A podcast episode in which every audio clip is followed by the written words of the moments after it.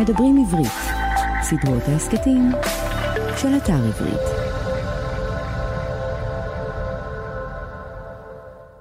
שלום, אתם מאזינים לסדרת ההסכתים כותבים עברית של אתר עברית. סדרה זו היא חלק ממדברים עברית, ערוץ ההסכתים של האתר. מדי פרק נפגוש סופר או סופרת ונדבר על הרצון או הדחף לכתוב, על החיים עצמם ושלל עיסוקים אחרים. והיום אני שמח לארח את הסופר מישקה בן דוד. היי מישקה, נתחיל? היי רפי, כן ודאי. אז תקציר קורות החיים של אה, מישקה, הוא נולד ב-1952 מגבעת שמואל, שירת כקצין המודיעין ובין היתר פיקד על מחלקת האזנה ניידת במלחמת יום הכיפורים, השלים תואר שני בספרות השוואתית מטעם אוניברסיטת וויסקונסין. אגב, איך הגעת לאוניברסיטת וויסקונסין? כי יצאנו לשליחות מטעם הסוכנות והשליחות הייתה במילווקי וויסקונסין. וזו הייתה חוויה מעניינת? הייתה חוויה מעניינת מאוד, קודם כל לפגוש את הקהילה היהודית האמריקנית. שיניתי הרבה תפיסות לגביה ולגבי איך נראית ציונות ואיך נראית מדינת ישראל ומה החובה במרכאות לגור במדינת ישראל. כשאתה מכיר קהילה יהודית מבוססת, אתה רואה את הדברים אה, אחרת. הלימודים ב-UWM היו אה, פרק מעניין בפני עצמו, אה, כי הלימודים הם שונים לגמרי מהלימודים בארץ. מעניין. בשנת 1989 מישקה קיבל תואר דוקטור בספרות עברית מטעם האוניברסיטה העברית בירושלים. בשנים בין 87 ל-1999 הוא שירת במוסד בתפקידי שטח, מודיעין ופיקוד. בשנת 2003 הוא זכה בפרס ראש הממשלה לסופרים עבריים. הוא ניהל תיכון למדעים ולאמוניות בירושלים. רבים מספריו היו רבי מכר, שישה מהם זכו לתואר כותר זהב ושניים לתואר כותר פלטינה. על מכירת מעל 40 אלף עותקים, זה די מרשים, איך זה התחושה להיות uh, סופר של רבי מכר? התחושה טובה מאוד. זה בטח להסתובב ברחוב ומדברים איתך הרבה על הספרים בתקופה שהם יוצאים. תראה, מדברים איתי על הספרים יותר בתקשורת מאשר ברחוב, אבל יוצא לי לראות למשל אה, במטוסים, אנשים קוראים את הספר שלי, אה, וזו הרגשה טובה. יש איזה רצון לפעמים שאתה רואה מישהו קורא את הספר שלך ללכת ולדבר איתו עליו? ממש לא.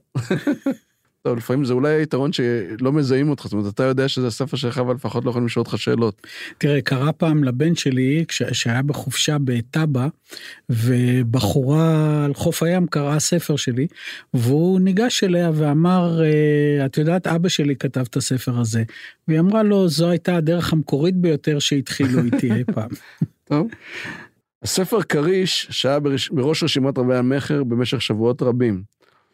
אגב, כריש הוא, הוא ספר אה, גם רחב יריעה ורחב היקף, והוא היה קצת שונה מספרי הריגול הקודמים ואלה שכתבת אחרי. נכון, הוא לא ספר ריגול, הוא ספר אה, מלחמה עתידי. אה, ספרות המלחמה היא ספרות שמאוד מוכרת לי, גם הדוקטורט שלי זה על ספרות המלחמה הישראלית.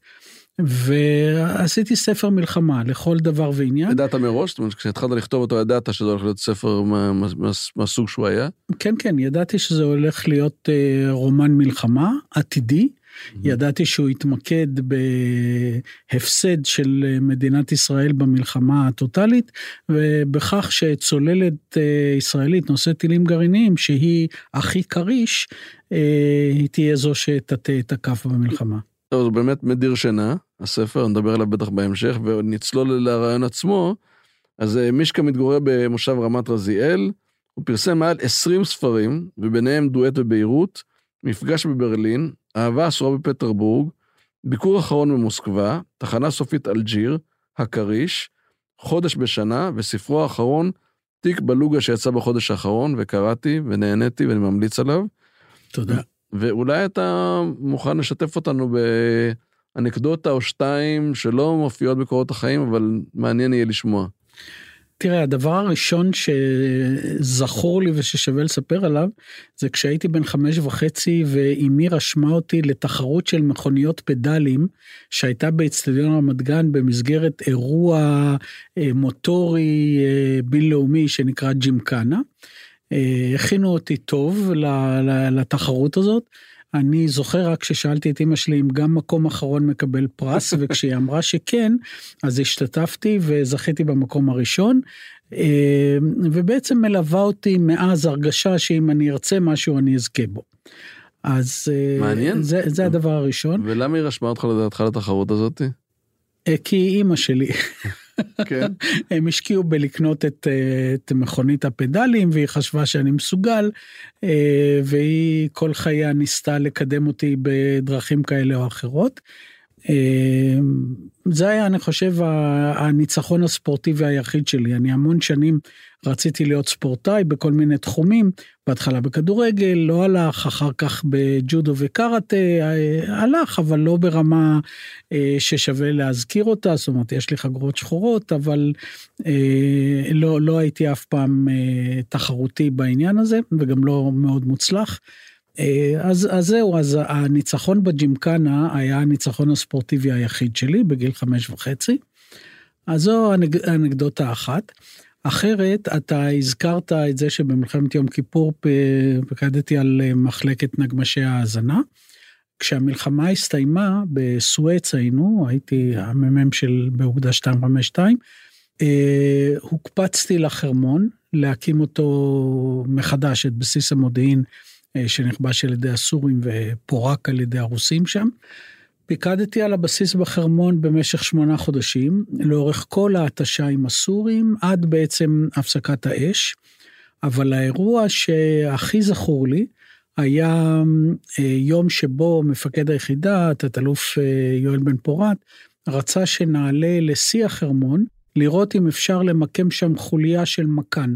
מקן זה מגלה כיוון ומרחק, שכשמצליבים אותו עם מקן שנמצא במקום אחר, למשל בבסיס שפיקדתי עליו, החרמון הישראלי, אפשר לקבל את המיקום המדויק של אה, נקודה שמשדרת או מדברת. ובשיא החרמון אה, הייתה מלחמה עקובה מדם. כל יום הורידו אלינו לחרמון הסורי פצועים והרוגים, ובלילה לפני שעליתי לשם, חיברתי מכתב שמסכם את 21 שנות חיי. אה, שלחתי אותו לחברה שלי, כשהשורה התחתונה היא שחייתי מספיק, עשיתי מספיק, אהבתי, לחמתי, ואם אני אהרג מחר אז זה בסדר גמור, אל תתאבלו. אה, מאז עברו עוד כמעט 50 שנה. את המכתב הזה יש לך דרך אגב? המכתב הזה שלחתי לאשתי, הוא הגיע אליה, uh-huh. הוא היה לנו המון שנים, אני חושב שבין כל מעברי הדירה ובין כל הדברים האחרים שנעלמו, אני, אני לא נתקלתי בו. בשנים האחרונות. מה אתה אומר? מעניין איך אתה היית קורא אותו היום. אה, אני כמעט זוכר מילה במילה מה שכתבתי, וגם אשתי כמעט זוכרת מילה במילה מה שכתבתי. אה, גם כשאני מסכם את חיי בגיל 70, אז זה סיכום מאוד דומה. רק שעברו עוד 50 שנה של חוויות ופעולות ואהבות ו, וניצחונות קטנים וגדולים, בעיקר ילדים ונכדים שהם האושר הגדול של חיי, וכמובן הספרים. ואשתך היום הייתה חברה שלך שהיית גם כבר קצין בצבא? כן, אשתי הייתה חברה שלי בערך מגיל 20, אנחנו בערך 50 שנה ביחד. וואו. אז נדבר קצת על uh, כתיבה, ואני תמיד אוהב uh, להתחיל מקריאה דווקא. מאיזה גיל אתה זוכר את עצמך קורא? אני זוכר את עצמי קורא מהכיתות הנמוכות של בית ספר אה, עממי בגבעת שמואל, אני זוכר את עצמי לוקח ספרים בספרייה, מטייל לכיוון הבית שלי, הייתה שם שדרה כזאת מטייל וקורא קורא קורא מגיע הביתה מסיים ספר רץ מהר לספרייה לפני שהיא אה, תיסגר והספרנית לא הייתה מוכנה לתת לי ספר בלי שאני אספר לה את תוכן הספר שקראתי כי היא לא האמינה שכבר, שכבר גמרתי לקרוא. אה, מספרי הילדות שאני חושב שהשפיעו עליי מאוד אה, היה חסמבה. דווקא חסמבה שאני חושב שכתוב נפלא ו, וזו גם uh, הצגה די מזוקקת של של uh, החיים הישראליים uh, תחת uh, הכיבוש הבריטי ואני uh, חושב שהיא השפיעה על דרכי הרבה יותר uh, מאשר מהבחינה הספרותית. מעניין ואתה מתי אתה זוכר שאתה מתחיל לכתוב? באותן שנים. באמת? כן. כבר בתור ילד צעיר? אה, מכיתה א', מכשלמדתי לכתוב, כתבתי סיפורים. בהתחלה הם היו בהשפעת הסרטים, אה, בגבעת שמואל היה קולנוע אחד שקראו לו קולנוע אורן, וכל יום רביעי אחרי הצהריים היה סרט קאובויים. אה, וכולנו היינו שם, ואחר כך הייתי בא הביתה וכותב את הסרט עם אותם הגיבורים, אבל עם התפתחות אחרת וסיום אחר, כמו שרציתי שיהיה. אה, השלב הבא היה תיאור משחקי כדורגל של נבחרת ישראל. משחקים אמיתיים, אהה. אבל היו נגמרים אחרת. אם הפסדנו 7-1 לאנגליה, בסיפור שלי היינו מנצחים 7-1, הפסדנו 4-2 לאיטליה, בסיפור שלי ניצחנו 4-2, ועמודים שלמים של סלמך מוסר לגלאזר ו... וכולי. כך שהראש יד שלי היו מאוד אה, מיומנים בכתיבה. ונתת למישהו לקרוא את הסיפורים האלה? אה, אף פעם לא, אבל הקראתי אותם. אני זוכר שבגיל אה, עשר כבר אה, עברנו אז לרמת גן, ועשו אצלנו תריסול בבית כשעבר, ומתקין תריסולים עבד, וישבתי במרפסת עם חברתי לבניין, טלי שפירא, וקראתי לה סיפור קאובויים שכתבתי. ומתקין התריסולים הקשיב בעניין רב, ואחר כך אמר בזלזול כזה, כשאמרתי שאני כתבתי את זה, בסדר, בסדר, מאיפה העתקת את זה? ואני הייתי כל כך מאושר, כי זו הייתה המחמאה הכי אותנטית שקיבלתי בחיים. אז בעצם מבית ספר עממי אתה כבר אה, לא רק קורא אלא גם כותב. חשבת, מתי חשבת שזה יהפוך להיות חלק מה, מהעיסוק שלך? רק אחרי שהוצאתי את הספרים הראשונים. הספר הראשון שכתבתי היה אחרי מלחמת יום כיפור והחרמון. הייתי קצין צעיר, והתחלתי לכתוב את הטיוטות שלו, וזה יצא ספר חצי קומי, חצי קיומי. שלא לא ידעתי מה לעשות איתו, אז uh, מצאתי שם uh, בבסיס את הספרים של ספריית תרמיל, בארונית הברזל הזאת שהחזיקו שם ספרים כאלה, ושלחתי לדואר הצבאי שהיה כתוב שם. Uh, קיבלתי תשובה מהעורך המיתולוגי ישראל הר, כעבור כמה שבועות, שאמר שהוא נורא אוהב את הספר והוא יוציא אותו. בינתיים כבר הייתי סטודנט באוניברסיטה. הייתה תחרות של כתיבת סיפורים של האוניברסיטה, נקרא פרס הארי הרשון, זכיתי בה פעמיים, פעם שפט דן מירון, פעם שפט אה, גרשון שקד, היו יושבי ראש חברה השופטים, שינו את התקנון אחר כך, שאי אפשר להגיש פעמיים. בכל אופן, הספרים האלה שזכיתי בהם, זה היה פרס כספי, יצאו בתור אה, ספר סיפורים שעוד הקדים, הוא נקרא זקן, על שם אחד הסיפורים, עוד הקדים את, אה, את אה, חיילים שמחים, שזה הספר ה... שכתבתי בשירות הצבאי. שמו המקורי אגב היה לא ראיתי חיילים שמחים, זה היה הצד העצוב של הספר. ישראל הר אמר שלא כל כך מתאים בספריית קצין חינוך ראשי להוציא ספר שלא ראיתי חיילים שמחים. מה, אין חיילים שמחים בצבא? ואז הוא אמר, אני אעשה שינוי קטן והוציא אותו בשם חיילים שמחים. וזה ספר שאגב באמת התאים בכלל שיצא במסגרת הצבא, כי אני מניח שזה היה ספר של אחרי מלחמה וחוויות ומורכבויות. הוא התאים לי מאוד. קודם כל, אני אוהב את הצבא. אהבתי אותו בזמן השירות הצבאי שלי, אהבתי אותו גם בזמן שירות המילואים אחר כך. אה, לא אהבתי את המלחמה, אבל אה, את השירות הצבאי עצמו, אה, קורסים שעברתי כמו קורס קצינים, אה, אני, אני יכול להגיד שאהבתי מאוד וגם התאמתי לה, אה, למסגרת הזאת. אני לא מייחס כאן אה, אה, שום משקל לכל הצד הפוליטי של הפעלת הצבא ומה שהצבא עושה היום וכולי, אלא לחוויות של בחור צעיר, גבר צעיר, בתור, אה, בתוך סביבה גברית שדורשת ממנו הצגת יכולות. אה, אה, את, את זה מאוד אהבתי, ולכן גם התאים לי שהספר יצא בהוצאת קצין חינוך ראשי.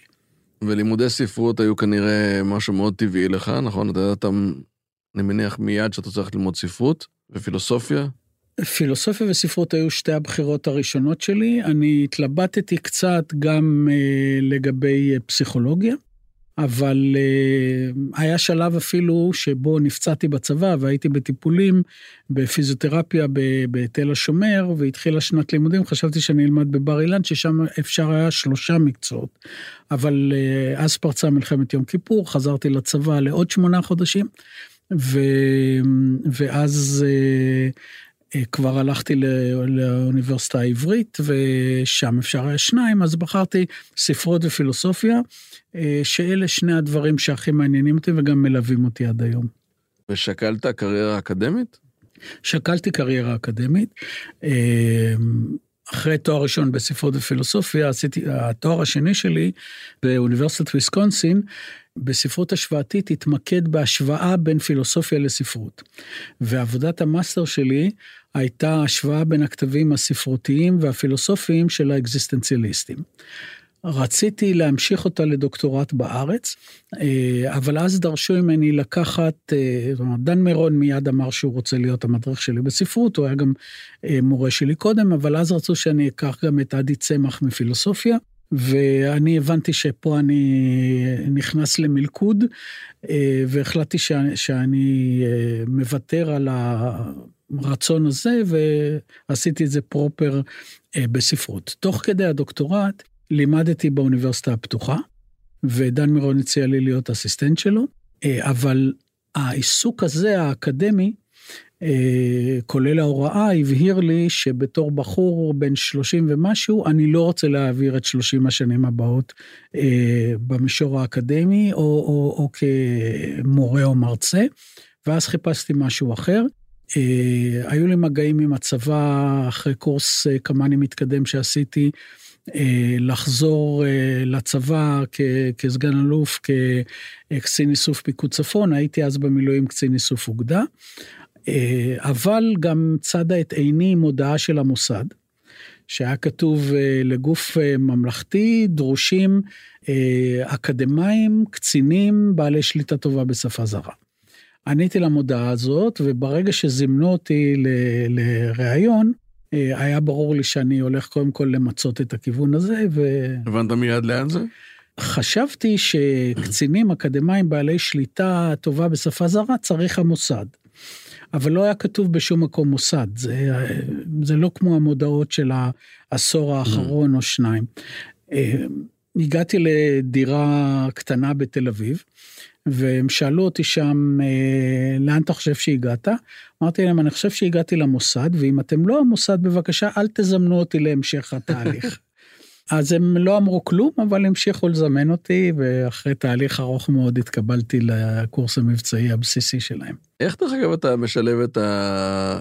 בכלל, האם אתה רואה איזשהו דיסוננס בין עולם מאוד, אה, אתה יודע, ספרות, פילוסופיה, מאוד אה, של תרבות, לבין העולמות, אתה יודע, הצבא, המוסד, שיש בכלל שני הצדדים האלה, האם אתה רואה בזה שני צדדים, או שבעיניך זה איזשהו משהו שהוא מתמזג?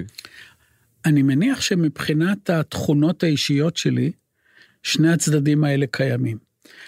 אה, מבחינת המזיגה שלהם, אני חושב שזה לא שני צדדים, כי אני אהבתי את הצבא לא רק בגלל האתגרים הפיזיים והאתגרים הפיקודיים, ואהבתי את המוסד אה, לא רק בגלל הצורך אה, להביא יכולות אישיות ממש לקצה ולהסתכן ולעשות דברים, את שניהם אהבתי בגלל החשיבות שלהם למדינת ישראל.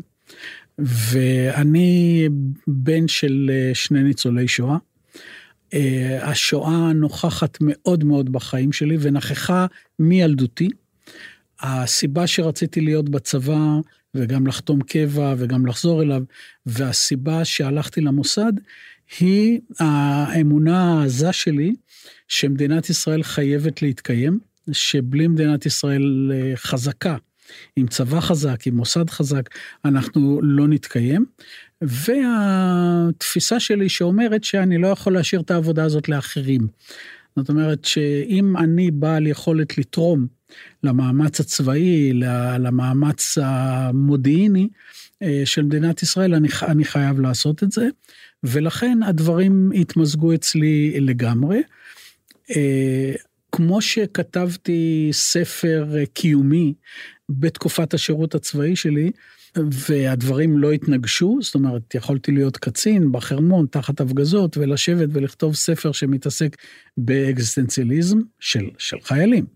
ככה גם השירות במוסד, השירות בחו"ל, אה, התמזג לגמרי ב, בשאיפה שלי לקרוא, לכתוב, ועשיתי את זה, לא כתבתי ספרות, אבל הייתי המון המון לבד. ב-12 השנים שלי במוסד, המון לבד במלונות, בדירות, בארצות זרות, אה, בזהות אה, לא שלי, כשאף אחד לא יודע מי אני, וזה מאוד אפשר לי להיכנס לתוך עצמי, להיכנס לתוך הפילוסופיה, לגבש לעצמי אותה. הדברים אף פעם לא התנגשו אצלי. באמת, גם מרגישים מאוד את נושא השליחות אצלך, גם, ב, גם בספרים וגם ב... בהוויה, ושהציונות אה, בוערת בך, וגם הדאגה אגב. זאת אומרת, יש איכשהו מין איזה חוט שני של דאגה באמת למדינה. אתה, אתה אזרח מודאג? אומרת, אני אזרח מודאג מאוד. אמ, לאו דווקא מהדברים שבהכרח מדאיגים אזרחים מודאגים אחרים. אני מודאג מאוד מכך שאם אנחנו לא נצליח לגבש איזשהו אה, רוב חילוני ממלכתי אה, ולהביא לפתרון הבעיה הפלסטינית, היא תתפוצץ לנו בפרצוף, או בצורה אלימה, אה, כי מה שקורה בג'נין ומה שבלילות האחרונים, מה שקרה בשכם הלילה ו, אה, וכולי, אני לא יודע מתי זה ישודר, אז, נו- אז נאמר שאני מדבר על, על, על סוף אה, אוגוסט. ה- ה- עוצמ, עוצמת האש ועוצמת השנאה הפלסטינית לא תישאר כבושה, היא תתפרץ. וכשהיא תתפרץ, אז, אז יהיה לנו קשה מאוד, כי היא גם לא תתפרץ רק בשטחים. הייתי בהר ברכה למשל, ושאלתי מה יעצור עשרות אלפי אנשים בשכם לחצות את השכונה השומרונית ולשחוט את כל מי שגר בהר ברכה. מה, הצוות האחד של צה"ל שיושב שם ומחזיק תצפית? אה, זה, זה, זה לא יחזיק. אם אנחנו לא נמצא דרך לפתרון מדיני ולחלוקה, זה לא יחזיק. ואני חושב שזה גם לא יחזיק עם אזרחי ישראל. אני חושב שמה שראינו במאורעות אה, אוקטובר 2000, ומה שראינו במאורעות שומר חומות, זה עדיין קדימון למלחמה הגדולה שערביי ישראל יקיימו על, על זהותם הלאומית. כי זהותם הלאומית זה לא דגל כחול לבן והתקווה. ולא יעזור, לא נצליח להכפיף אותם, וחייבים למצוא פתרון, ויש לי פתרונות, אה, שגם הבעתי אותם בהרבה מאמרים. החשש שלי זה שהולכת ונוצרת מציאות של מדינה אחת, ושאי אפשר יהיה להפריד, ומציאות של מדינה אחת תתגלגל למציאות ש, שבה אתה לא יכול להחזיק צבא ששייך רק לעם אחד משתי המדינות, משני העמים שבמדינה האחת הזאת, אתה לא יכול להחזיק משטרה שהיא רק של עם אחד משני העמים ב, ב, אה, בישות המדינית הזאת, הישות המדינית הזאת תתפרק, המלחמה, מלחמת האזרחים תהיה קשה כשאול, אה, ואני לא יודע איך נצא ממנה. אז בעניין הזה אני אזרח מודאג מאוד. כן, אני חושב שנושא השבריריות של המצב, אה, באמת בכריש שובר בצורה מאוד מאוד חדה וברורה, וקשה לקרוא את הספר הזה ולהישאר אדיש לכמה, באיזו קלות יכול להפוך פה מצב מלכאורה נורמטיבי, נורמלי, למשהו שהוא בלתי נשלט. על זה אולי אתה בעצם גם מדבר, אפרופו, כמה מהר הדברים יכולים פה לצאת משליטה בעצם. ואם הם מדברים על זה על התקופה הזאת, שבתקופת המוסד לא כתבת ספרים, נכון? נכון, 12 שנים לא כתבתי ספרים, אבל כתבתי על פתקים רעיונות לספרים. היה לך קשה אגב לא לכתוב ספרים? זה היה חסר לך? לא, לא היה לי קשה. תראה, ב, ב, כשהתקבלתי אחרי תהליך המיון הארוך מאוד, ראש מחלקת הגיוס למוסד פגש אותי ואמר, אנחנו יודעים שכתבת ספרים, אנחנו יודעים שהתראיינת, קיבלת ביקורות וכולי, עכשיו אני רוצה לומר לך כמה דברים.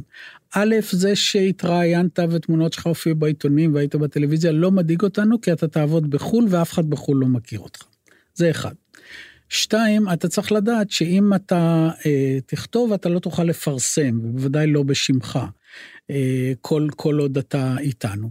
אבל שלוש, תדע לך שאני לא מודאג, כי אתה לא תרצה לכתוב, כי אתה הולך להיכנס למציאות שהיא כל כך יותר פוריה ו, ודרמטית מהדמיון שלך, שאתה לא תרצה לכתוב. אני חשבתי לעצמי, אני לא יודע מה הוא יודע על הדמיון שלי, אבל אחר כך הסתבר שזה ככה, וזו הייתה מציאות חובקת קול, אה, שלוקחת את כולי פנימה, את כל המחשבות שלי, הרגשות שלי, הרצונות שלי, אה, הדאגות שלי, הכל נמצא בתוך מציאות של הפעילות המבצעית המוסדית, זה לא משאיר זמן לכלום. אבל אה, בכל מיני, בכל מיני אירועים שונים, חשבתי שאם X או Y היו משתנים, זה היה יכול להיות יופי של סיפור, ורשמתי לי פתק. אחרי השנים האלה, מצאתי שיש לי בשקית שכתוב עליה סיפורי ריגול קטנים, יש לי 60 פתקים. ומה-60 פתקים האלה יצאו בינתיים שישה ספרים. בחלק מהם זה שלושה פתקים שחברו יחד. למשל, בספר האהבה אסורה בפטרבורג, חבר, חברו יחד פתק שאומר אה, אה, איש מוסד מתאהב בזהות הכיסוי שלו ולא רוצה לחזור לזהות האמיתית.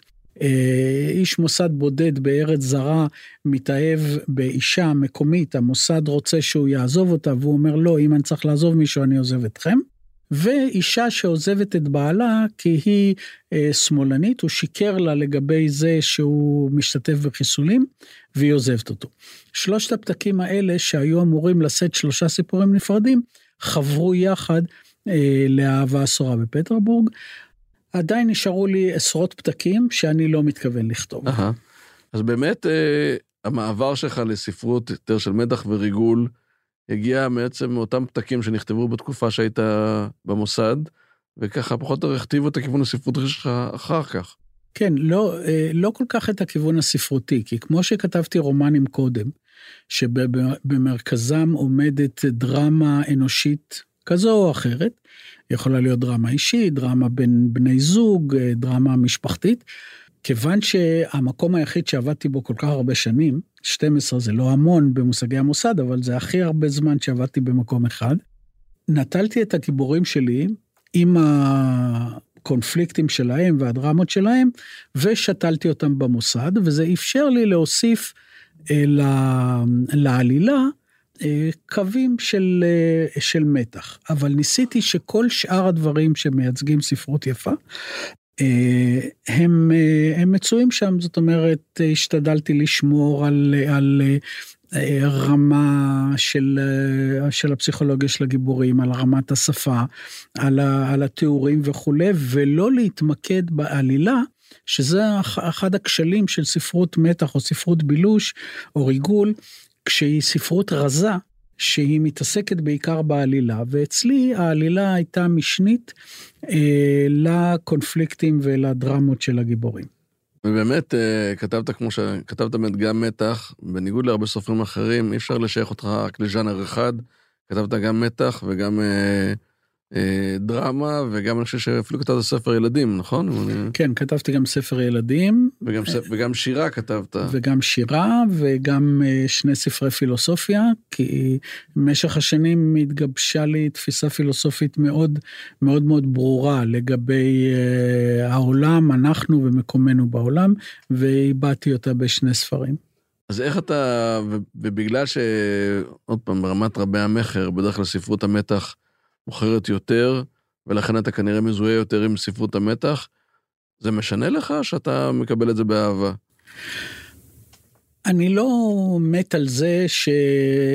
שאני מקבל מדי פעם את ההגדרה סופר מתח, כי רק שליש מהספרים שכתבתי הם, הם ספרי ריגול שאיכשהו נופלים בתוך ההגדרה ספרות מתח, ושני שליש ממה שכתבתי זה לא, זה רומנים, קובצי סיפורים, ונכון, גם אותם ספרי פילוסופיה, ילדים, וגם הדוקטורט שלי יצא כספר. אה, אבל מצד שני, אני לא יכול להתעלם מהכיף הגדול כשספר עיגול יוצא והוא תוך שבוע בצמרת רבי המכר והוא הופך אחרי uh, כמה חודשים לספר זהב ואחרי אולי שנה לספר פלטינה, אני, אני לא יכול להתעלם מזה. Uh, כנ"ל בספר האחרון שהוצאתי רק לפני uh, שבוע, בתיק בלוגה, שאני כבר רואה אותו מטפס ברשימות רבי המכר, גם בעברית וגם אה, בסטימצקי, וגם הוא, למרות שהוא עוסק, או עוסק, כמו ספרים אחרים, בנושא קיומי מאוד אה, של מדינת ישראל, אה, כן, בניסיון לעצור את הגרעין האיראני, אבל במרכזו, עומדת אה, דרמה עזה בין אבא ובן. אה, אבא שהוא איש מוסד, בן שבמהלך הטיול אחרי צבא שלו הכיר אה, בחורה אזרבייג'נית שהיא שיעית, כמו רוב האזרבייג'נים, ולא נתנו לה להתאזרח בארץ והוא נאלץ לחיות בבקו. הוא כועס מאוד גם על המדינה וגם על אבא שלו. כי הוא חושד שהאבא לא רצה אותה, אחרת הוא היה מצליח אה, למשוך בחוטים. אה, והנה קורה מצב שמהפעילויות שלו בבקו הוא יוצר קשר עם חברה שמבריחה אה, נשק איראני, והמוסד מבקש מהאבא עכשיו לגייס את הבן. וכל מערכת היחסים המורכבת בין שניהם באה לידי ביטוי וכמעט לידי פיצוץ וכמעט גורמת אה, פעם אחת לבן ופעם אחת לאבא, כמעט לאבד את חייהם, כי הם נכנסים לתוך אותה אה, עלילת ריגול והניסיון לסכל את אה, איזשהו מסלול חדש של גרעין איראני שהאיראנים מפתחים. אז א', פה באים כל אותם אלמנטים שליוו אותי גם בספרים אחרים, דרמה אישית בתוך סיפור ריגול, אבל הפעם הסכמתי אפילו שיכתבו את המילה ריגול אה, בכריכה של הספר, מה שלא הסכמתי בעבר, כי השלמתי עם זה, ואני שוב אקבל אה, בקצת צער את ההגדרה שלי כסופר אה, מתח, ובשמחה רבה את הטיפוס שלו ברבי המכר. באמת קראתי את הספר שהוא מרתק ואני ממליץ עליו, ובאמת מדבר שם הרבה על העניין הזה. של, עוד פעם, מצד אחד הנאמנות למדינה ו- ו- ולמוסד, אל מול להיות איש משפחה. אני יודע שאתה רואה את עצמך כאיש משפחה, ויש את העניין הזה שבאמת היחס עם הבן והיחס בכלל בתוך המשפחה, זה מתח שהרגשת אותו כל הזמן, זאת אומרת, החיים האלה שהם עם מחויבות טוטאלית, ומצד שני ניסיון להיות איש משפחה. המתח הזה קיים, המתח הזה אה, חזק, ועלול להביא או לאובדן קריירה או לאובדן המשפחה. אה, ראיתי הרבה מהחברים שלי אה, שהעבודה במוסד הביאה לאובדן המשפחה שלהם, כי קשה לא להיות נתון ראשך ורובך בתוך העבודה המוסדית, וקשה שלא להרגיש שלעומת מה שאנחנו עושים עכשיו באיראן, אז אה, לשטוף כלים בבית זה, זה, זה לגמרי שולי וזניח ולא צריך בכלל לבוא בסדר העדיפויות, אבל לא כך תרגיש אשתך. אה, זה ש...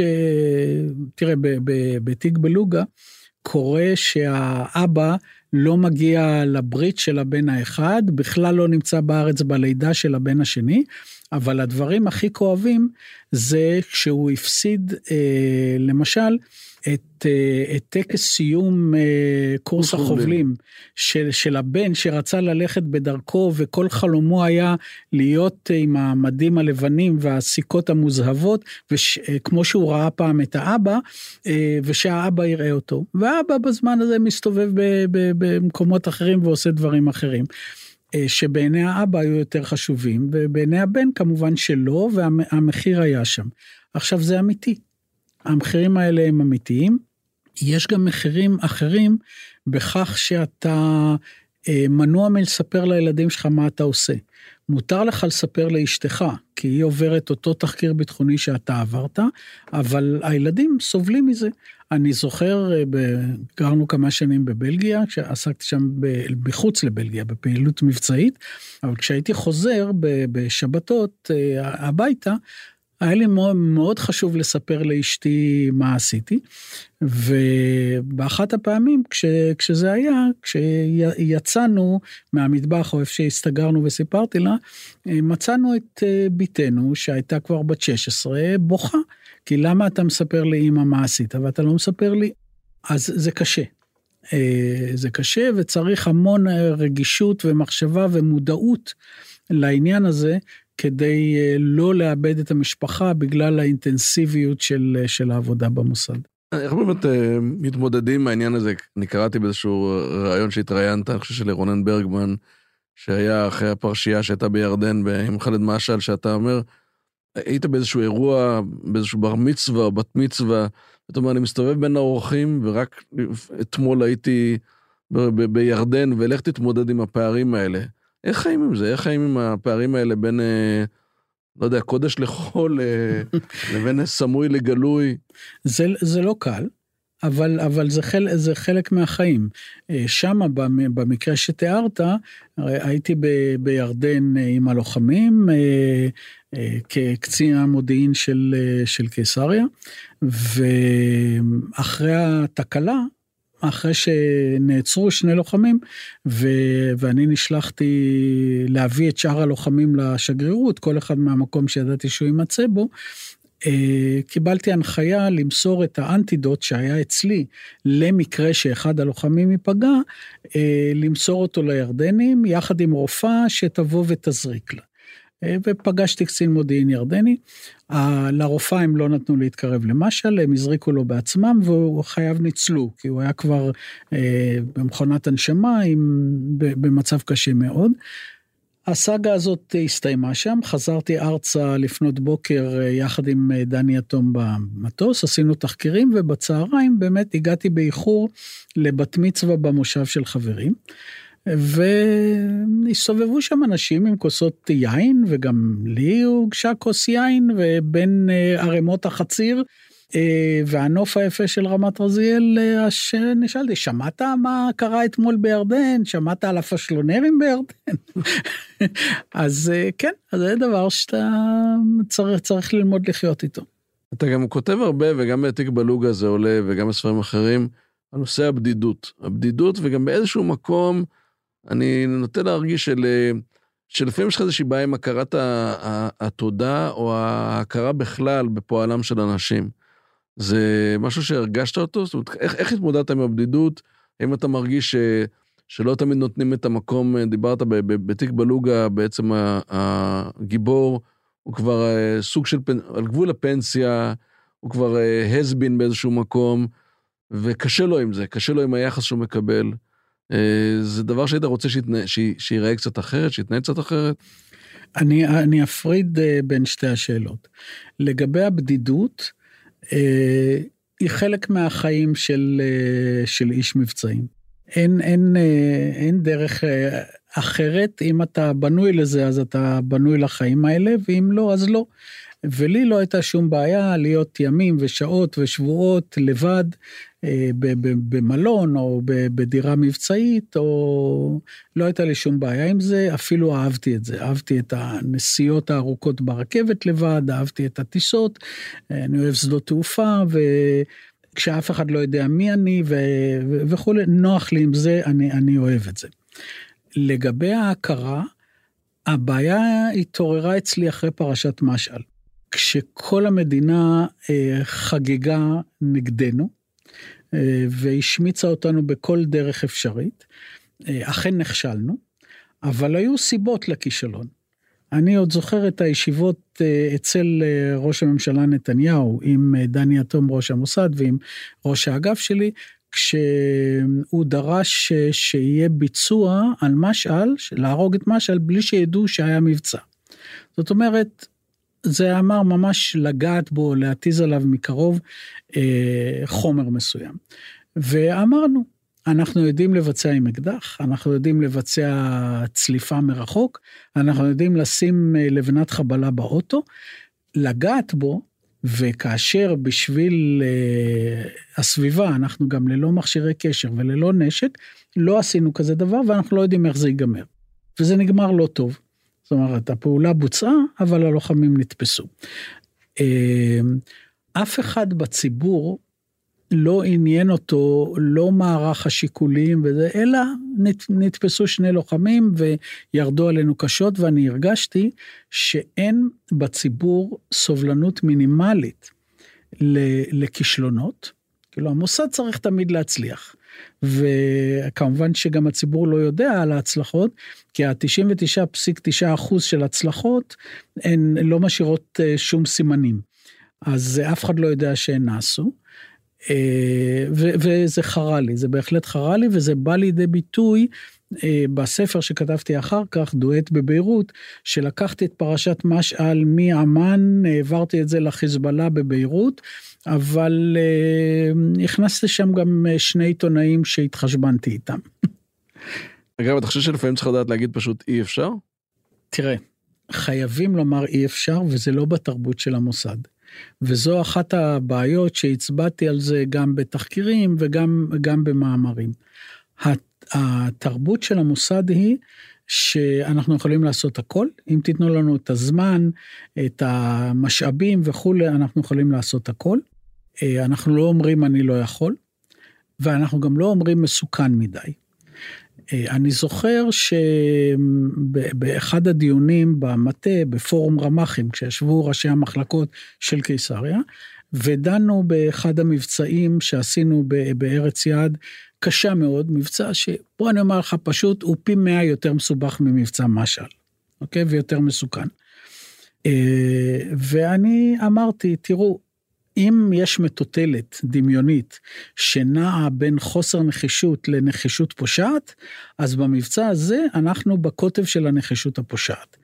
ראש האגף הפסיק את הדיון בזעם, אה, פיזר אותנו, אמר, נחזור להתכנס כשתחשבו שהמילה נחישות פושעת היא לא במקום.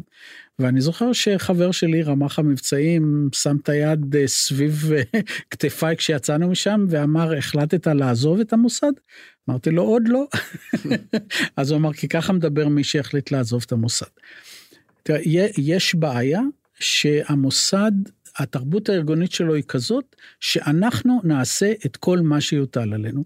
וצריך להיות מצב שהמוסד יוכל להגיד, זה מסוכן מדי. בתיק בלוגה כתבת בסוף הספר, שזה ספר הריגול האחרון שאתה כותב. התחייבות משמעותית, וגם סוג של סיכום. למה בעצם? אה, תראה, כתבתי שם, אתה יכול להסתכל, אני לא זוכר בדיוק את הנוסח, אבל נדמה לי שזה אומר שמכיוון שאני סבור שזה ספר הריגול האחרון, אז תודה על הצנזורה ותודה לביטחון במוסד ו, אה, וכולי. כי עברו 23 שנים מאז שהייתי במוסד. וכמו שלפני 20 אה, שנה כבר לא כתבתי ספרי סטודנטים, שכתבתי עליהם כשהייתי סטודנט, וכבר לא כתבתי סיפורים שקורים באמריקה, 20 שנה אחרי שעזבתי את, את ארצות הברית, אז אני מרגיש ריחוק מהמוסד עצמו אה, ומהפעילות המוסדית, וזה פשוט פחות מעניין אותי. ואני לא מרגיש שאני ארצה להשקיע שוב בכתיבת אה, עלילה מוסדית, אלא אם כן איזושהי עלילה, כמו במקרה של תיק בלוגה, שהסיפור, רציתי מאוד לכתוב על קונפליקט בין אבא פטריוט לבין בן לא פטריוט. אה, ו, וזה, וזה מפני שאני פטריוט ויש לי בן שסיים עכשיו תואר שני בקולנוע בארצות הברית ומתלבט בין אה, לחיות ולעשות קולנוע בארצות הברית ולעשות אה, קולנוע הרבה יותר קשה בארץ. והקונפליקט הזה בין פטריוטיזם לקוסמופוליטיות, שאני מרגיש אצלי בבית, מאוד רציתי שהוא יבוא לידי ביטוי בספרות, והצלחתי למצוא לו עלילה ששתלתי את זה שם. אז יכול להיות שגם בעתיד אני אמצא איזשהו קונפליקט או דרמה שנכון לשתול אותה ב... באירוע מוסדי, אבל בעיקרון המוסד כבר לא מעניין אותי. טוב, אז נעבור לשאלון קצר. אה, בוקר או ערב? ערב, אני, קשה לי בבקרים. מוסיקה או שקט? מוסיקה שקטה. מה למשל? למשל מוזיקה קלאסית ו... ושירים עבריים של שנות החמישים והשישים. ספר או סדרה? אתה רואה סדרות? הספר, אני ממש לא רואה סדרות. אה, אחרי שלחצו עליי, אז ראיתי כמה פרקים ברצף של האמריקאים, uh-huh. שזו הייתה הסדרה היחידה שראיתי בה כמה פרקים, אני ממש לא איש של סדרות. אגב, מה חשבת על האמריקאים? שהיא מעולה. כן? כן. מעניין. אני לא חושב שהיא אפשרית, אבל אני חושב שהיא מעולה. אה, וויסקי או בירה? בירה, אבל פעם זה היה הפוך.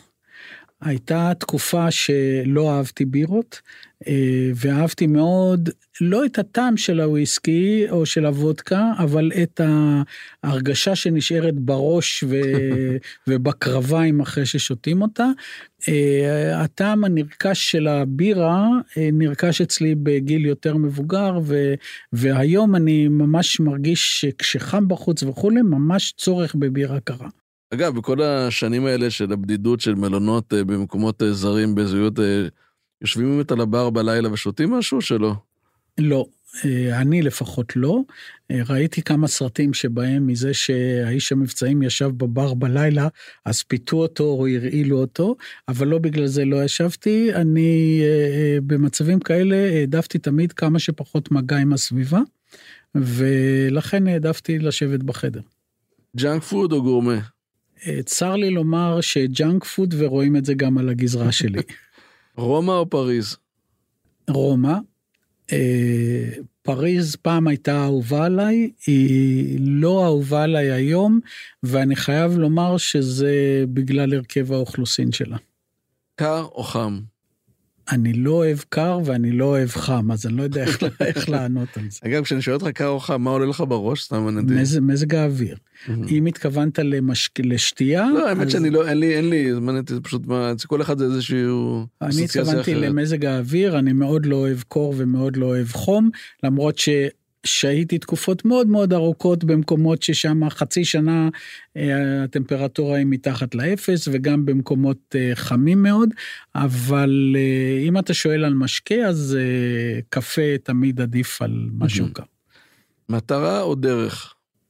אני מאלה שחושבים שהדרך היא המטרה,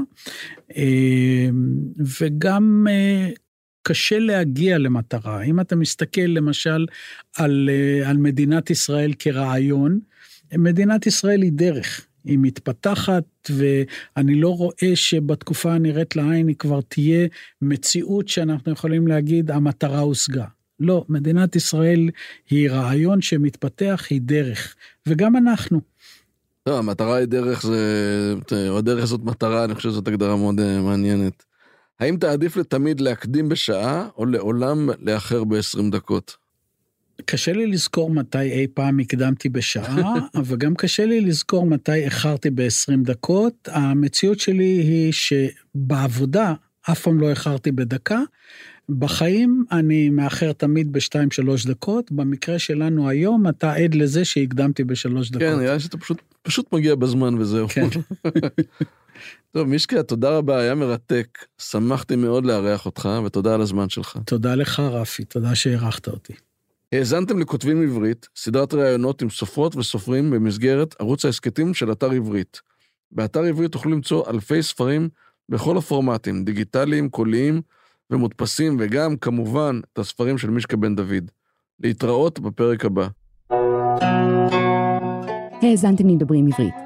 סדרות ההסכתים מבית אתר עברית, חנות הספרים הדיגיטליים, מודפסים והקוליים הגדולה בישראל. ספר זה וספרים נוספים מחכים לכם באתר עברית. thank you